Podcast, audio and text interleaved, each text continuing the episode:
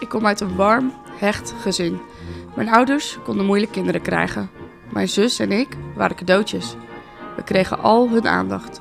Een geweldige jeugd met prachtige zomers op de camping. Toen ik een jaar of drie was, gingen we kamperen. Oostenrijk was het plan, maar ik had vreselijk last van wagenziekte en verder dan Limburg kwamen we niet.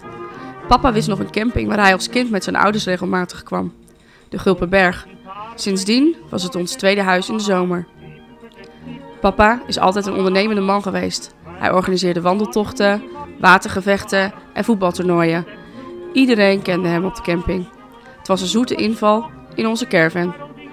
Voor dag en dauw haalde hij verse broodjes bij de bakker en altijd een croissantje voor mij en mijn zusje.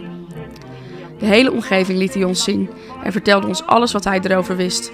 Valkenburg, de watervallen van Co, Vaals. Dierbare plekken waar ik nog steeds graag met hem kom. En nu samen met mijn eigen gezin.